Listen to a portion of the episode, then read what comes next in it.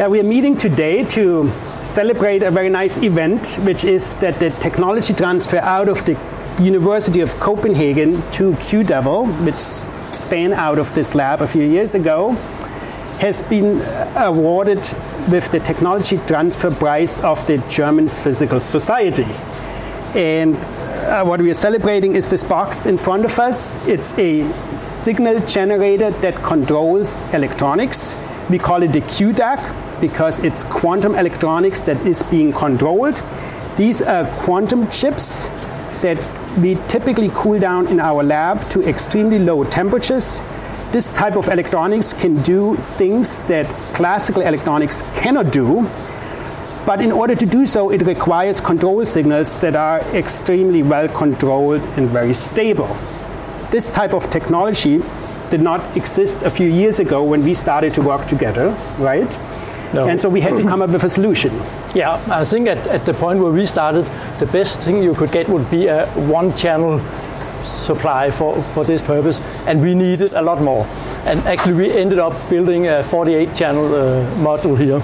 So we can control each of the output here with uh, extreme precision.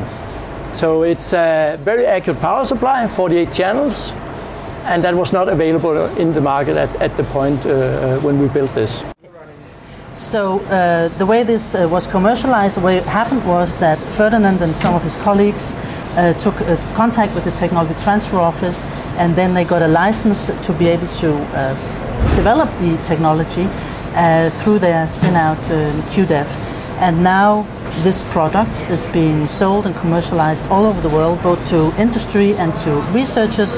And it's just fantastic to see that a piece of uh, uh, University of Copenhagen technology is now available to uh, customers all over the world. And that is what technology transfer is actually all about. A rather complex uh, instrument because there's a lot of hardware and software that has to uh, work together inside and talk to other instruments, uh, primarily, for example, a computer, uh, to control uh, the outputs of the, each uh, of the 48 uh, channels. And at the moment, there wasn't uh, something that could be used directly for so to control so many channels at once. So it became a rather complex, also because it has to be synchronized. They all have to play together like an orchestra, an orchestra.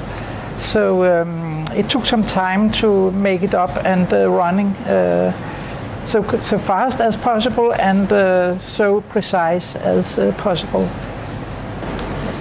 This QDAC is one example out of several innovations that came out of the Niels Bohr Institute and that has helped QDevil become a very successful quantum startup company. As of last year, they joined Quantum Machines, which is now uh, one of the largest high-tech companies focused on quantum control solutions. So we are extremely proud that our technology will be part of controlling the next generation practical quantum computing um, wherever that may be.